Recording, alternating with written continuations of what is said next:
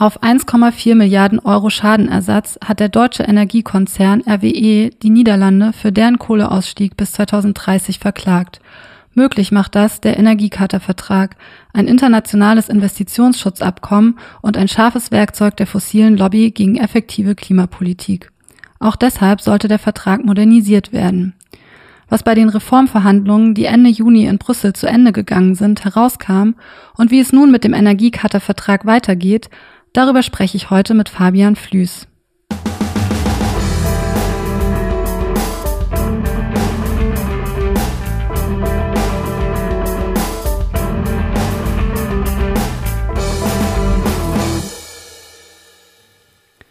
Hallo, herzlich willkommen bei Kompass Weltwirtschaft, dem Podcast von PowerShift.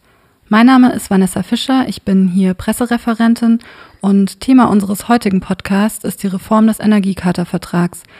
Mit mir heute im Studio ist Fabian Flüß. Hallo Fabian.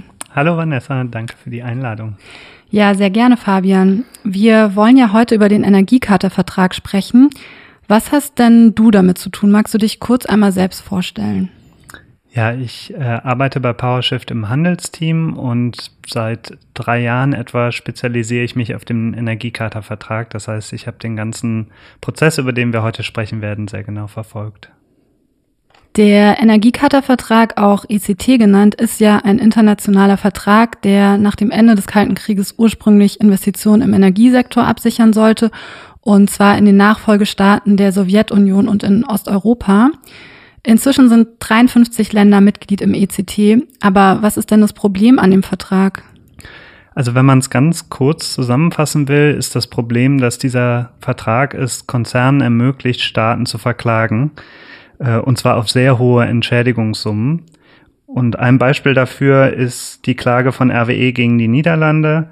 Äh, für den Kohleausstieg bis 2030. Das heißt, Klimagesetze sind jetzt schon ins Visier der Konzerne gekommen und werden durch den Energiecharta-Vertrag beklagt.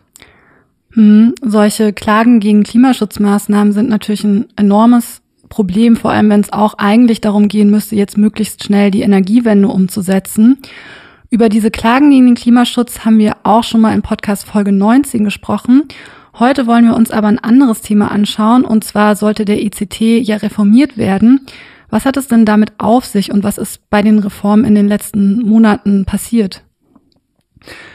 Also die Europäische Union sagt schon seit längerem, dass der Energiecharta-Vertrag ein veralteter Vertrag ist und reformiert werden muss.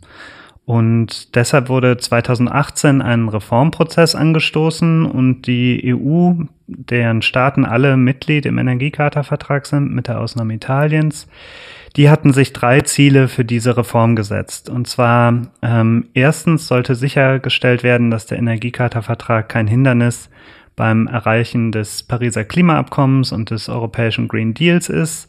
Zum Zweiten sollten die Schiedsgerichte, die so viel kritisiert werden, reformiert werden. Und drittens sollten die, sollten die Rechte, auf die Unternehmen zurückgreifen, diese Investitionsschutzstandards, sollten an das aktuelle EU-Modell angepasst werden. Ja, die Reform hat sich jetzt ja über fünf Jahre hingezogen. Du meintest gerade 2018 hat die EU damit begonnen. Ende Juni ist der Reformprozess jetzt in Brüssel mit der letzten Modernisierungsrunde zu Ende gegangen. Was kam dabei denn raus? Fangen wir mal mit dem ersten Ziel an, das du gerade genannt hattest. Und zwar wollte die EU ja sicherstellen, dass der ECT Paris kompatibel ist. In einer Zusammenfassung der Ergebnisse steht tatsächlich, dass in der EU und in Großbritannien der Investitionsschutz von Fossilen zukünftig ausgeschlossen sein soll. Also Unternehmen, die in fossile Energieträger investieren, künftig nicht mehr klagen könnten, etwa wenn sie ihre Gewinne durch Klimaschutzmaßnahmen eingeschränkt sehen, also beispielsweise durch einen vorgezogenen Kohleausstieg. Macht das den Vertrag denn jetzt tatsächlich mit den Pariser Klimazielen vereinbar? Leider gar nicht. Das behaupten zwar die Europäische Kommission und auch manche Mitgliedstaaten, aus unserer Sicht ist das aber überhaupt nicht gelungen. Und da gibt es vor allem drei Probleme. Das erste Problem ist, dass dieser Ausschluss von den Fossilen nur für neue Investitionen gilt in fossile Infrastruktur. Das heißt, die gesamte Infrastruktur, die wir jetzt schon haben, Kohlekraftwerke, Gaspipelines, Ölraffinerien, sind weiterhin geschützt durch den Energiecharta-Vertrag und zwar für mindestens zehn Jahre ab 2023. Das bedeutet auch, dass alle wichtigen energiepolitischen Entscheidungen, die die nächsten zehn Jahre getroffen werden, potenziell weiter unter den Energiecharta-Vertrag fallen. Und äh, häufig wird dabei verwechselt, dass diese zehn Jahre auch Entscheidungen betreffen können, die erst weit darüber hinaus viel später greifen. Zum Beispiel hat RWE die Niederlande auf, für eine Entscheidung verklagt, die 2019 getroffen wurde, aber erst 2030 greift. Das bedeutet, wenn jetzt Konzerne ähm, Entscheidungen noch zehn Jahre beklagen können, können das Entscheidungen sein, die bis in die 2040er Jahre äh, oder erst in den 2040er Jahren greifen. Und das bedeutet wiederum, alle wichtigen Entscheidungen können durch den Energiecharta-Vertrag weiter beklagt werden. Das Zweite ist, dass es noch zusätzliche Ausnahmen gibt, wie zum Beispiel für Gasinfrastruktur, die noch länger geschützt werden soll. Ähm, und gerade bei Gas äh, sehen wir im Moment, was wir da für Probleme haben, nicht nur im Klimabereich, sondern auch aus anderen Gründen und dass Staaten da handlungsfähig bleiben müssen. Und das dritte Problem ist, dass sich nur die EU und Großbritannien für diesen Ausschluss entschieden haben. Das heißt, in allen anderen Mitgliedstaaten des Energiecharta-Vertrags, und das sind die Hälfte der äh, äh, Mitgliedstaaten sind nicht die EU und Großbritannien, gilt der Investitionsschutz für die Fossilen uneingeschränkt. Und deshalb ist es aus unserer Sicht dieser Vertrag auf keinen Fall Paris-kompatibel jetzt. Hm, verstehe. Und wie sieht es mit dem zweiten Ziel der EU aus, die Investor-Staat-Schiedsverfahren zu reformieren?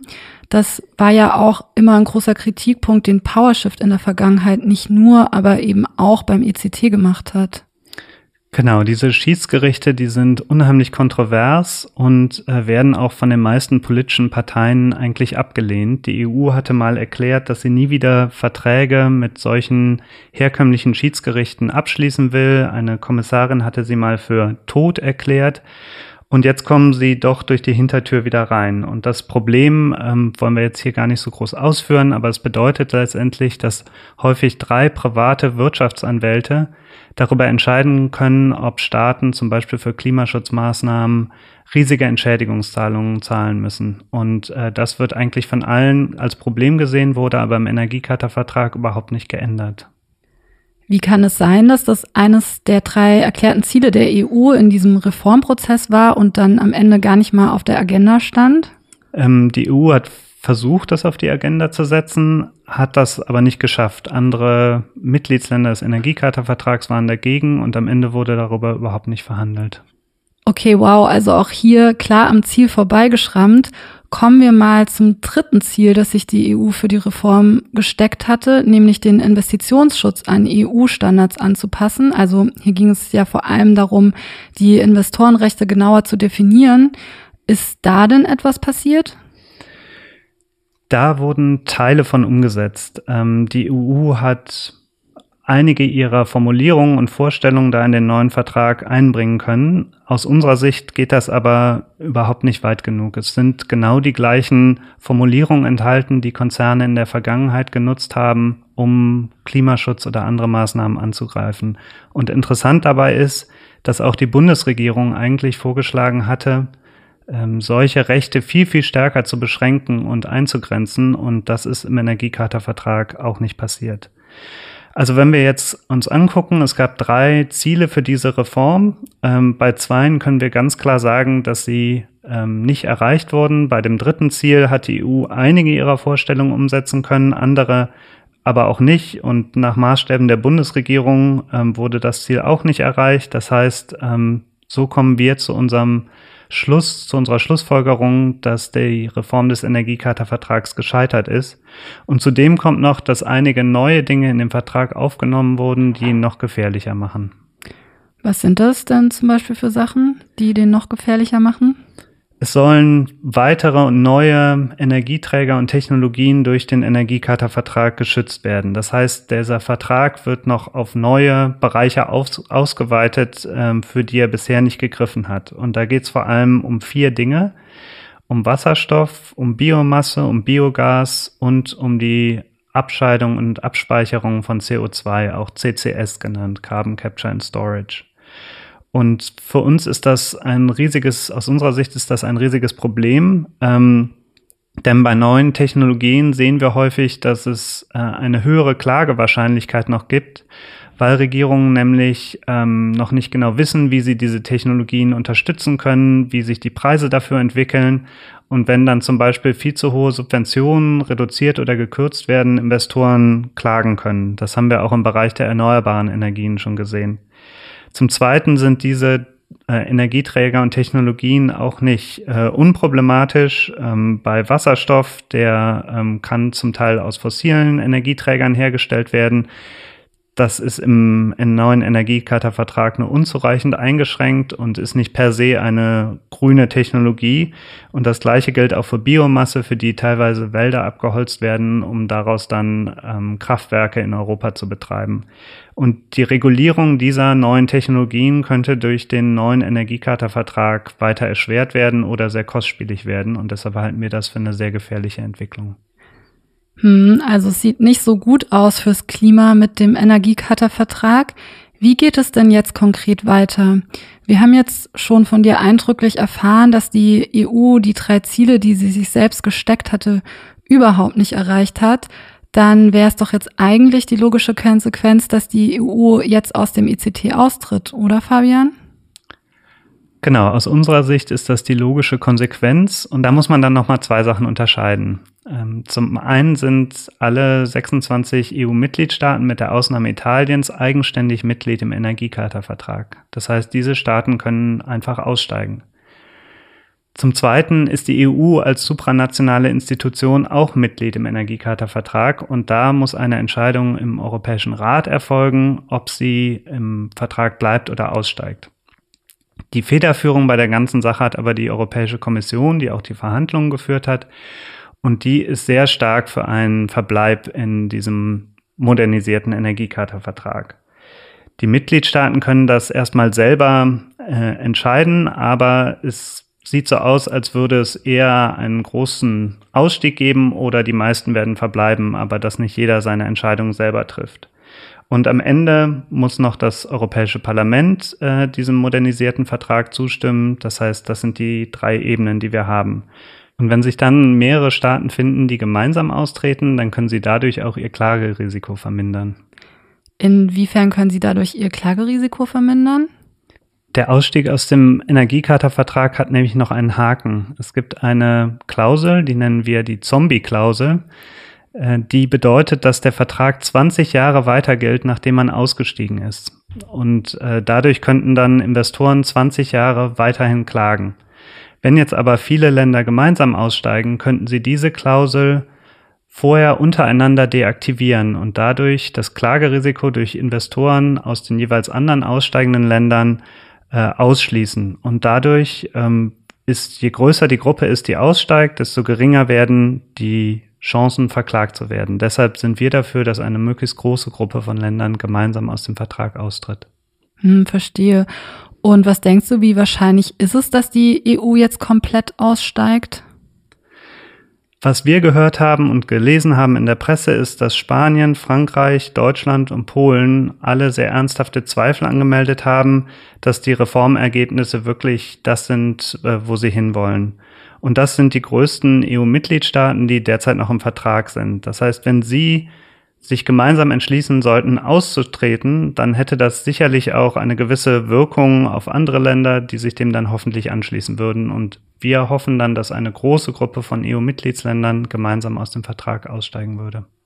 Angenommen, die EU wird jetzt nicht aussteigen, dann gäbe es ja auch noch die Möglichkeit, dass Deutschland austritt.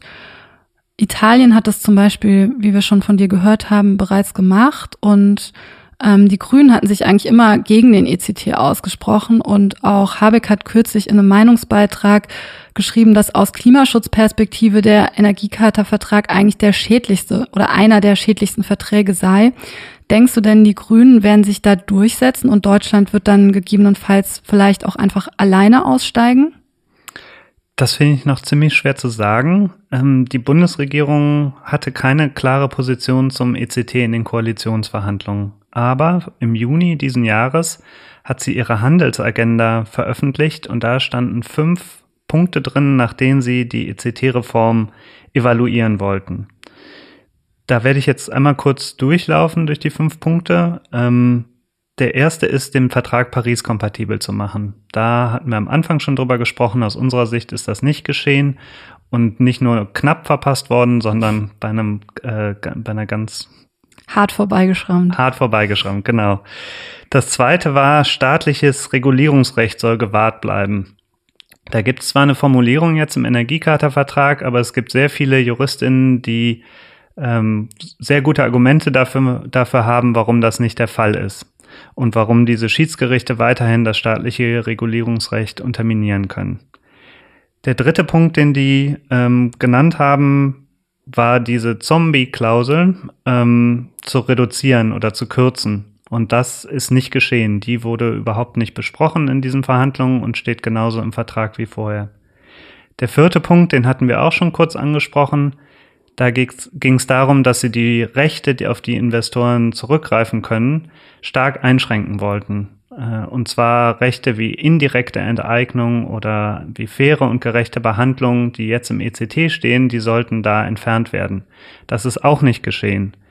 Das heißt, von diesen vier ersten Punkten ähm, wurden vier nicht erreicht und das ist ziemlich klar. Es gibt noch einen fünften Punkt, dass der Energiecharta-Vertrag auf den aktuellen technologischen Stand gebracht werden sollte. Da ist aus meiner Sicht nicht so ganz klar, was das heißt. Es könnte argumentiert werden, dadurch, dass Wasserstoff aufgenommen wurde, ist er jetzt auf dem aktuellen technologischen Stand.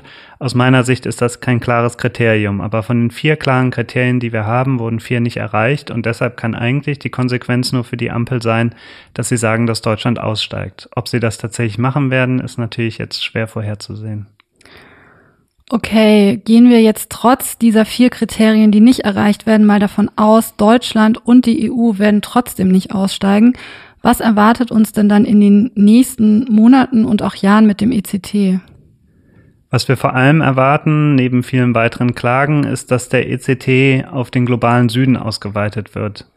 Es gibt jetzt gerade schon sehr viele Lobbyaktivitäten von, vom ECT-Sekretariat. Das ist so ein ähm, Büro in Brüssel, das diesen Vertrag verwaltet, das äh, Auslandsreisen macht, um Länder davon zu überzeugen, in den Energiecharta-Vertrag äh, einzusteigen. Äh, zuletzt waren sie für sehr viele Treffen in Nigeria, aber davor auch im Senegal, in Gambia.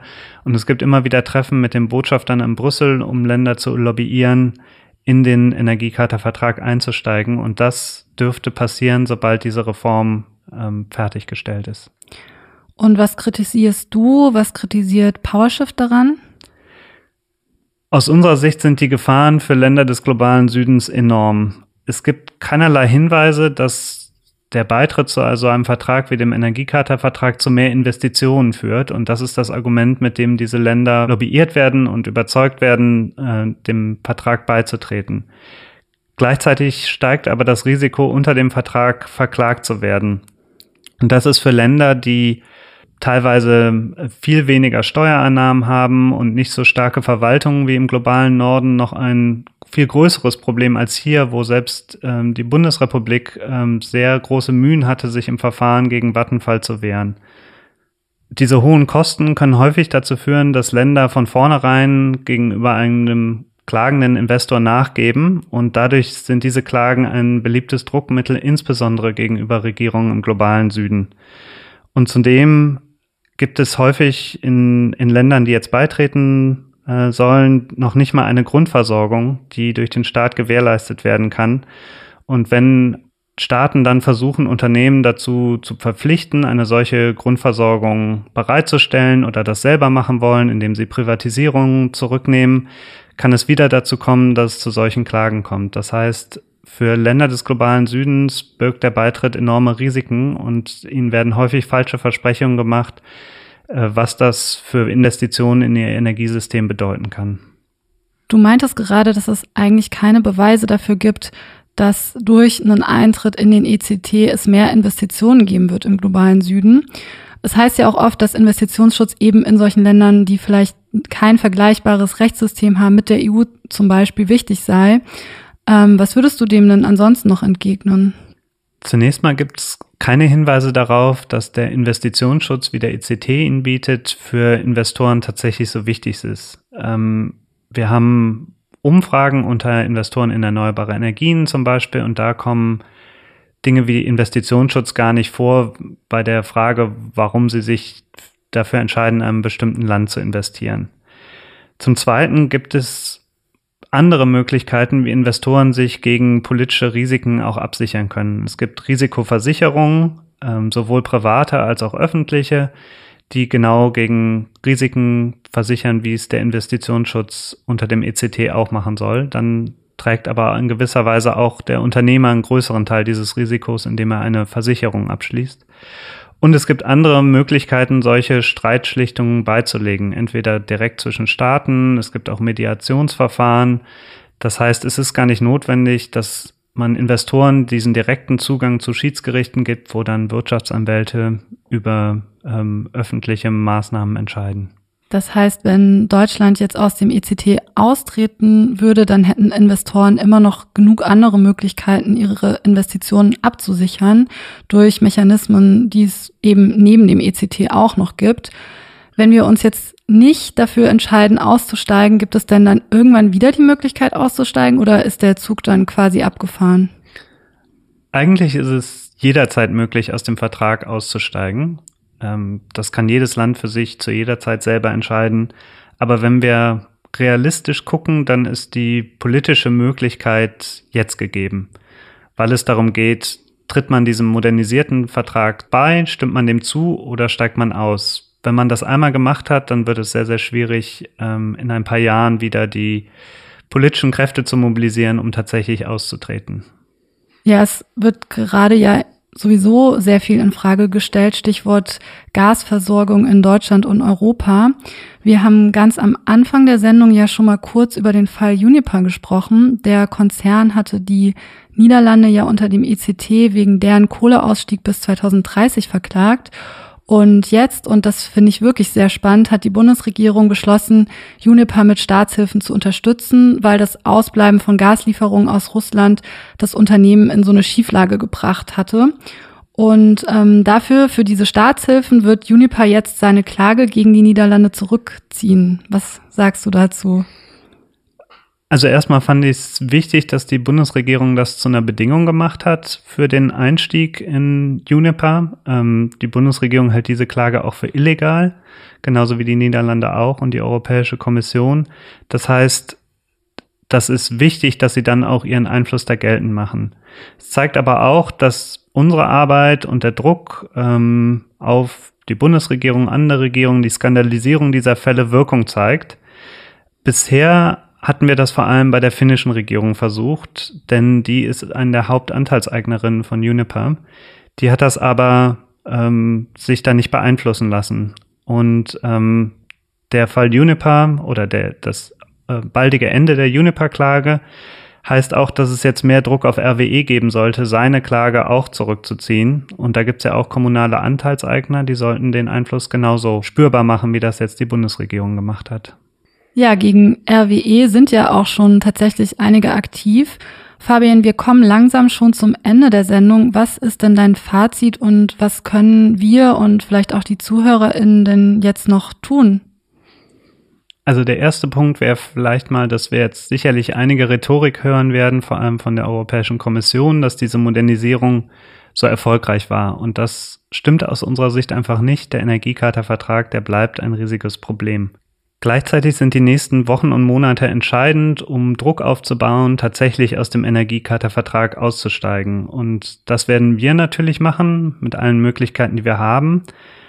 Aber ich glaube, es gibt auch eine Möglichkeit für alle Zuhörerinnen und Zuhörer, sich zu beteiligen. Und zwar, indem sie ihre Bundestagsabgeordneten aus ihrem Wahlkreis, idealerweise kommen die dann auch noch aus der Ampelkoalition, zu schreiben mit der Nachricht, dass Deutschland aus dem Energiecharta-Vertrag aussteigen muss. Das klingt jetzt erstmal simpel oder was, was sowieso nichts bringt. Aber es gibt da ganz interessante Literatur oder Forschung zu, dass solche persönlichen E-Mails von Leuten aus dem eigenen Wahlkreis einen ganz schön großen Einfluss auf Abgeordnete im Deutschen Bundestag haben. Und ich glaube, wenn wir da zusammen mit anderen Organisationen, mit Zuhörerinnen und Zuhörern und sozialen Bewegungen genug Druck aufbauen, dann kann der Ausstieg aus dem Energiecharta-Vertrag gelingen. Okay, super. Dann wissen wir jetzt ja alle, was wir zu tun haben. Fabian, ich danke dir, dass du heute hier warst. Das war echt spannend, deine Einblicke zu hören und es bleibt auch weiterhin spannend mit dem ICT. Und ich freue mich natürlich auch, dass ihr heute eingeschaltet habt. Falls ihr uns mit einer Spende unterstützen wollt, freuen wir uns sehr. Die Informationen dazu findet ihr in den Show Notes. Ebenfalls dort findet ihr auch unsere Publikation zum ICT. Kommt gut durch die Zeit und bis zum nächsten Mal. Tschüss. Ciao.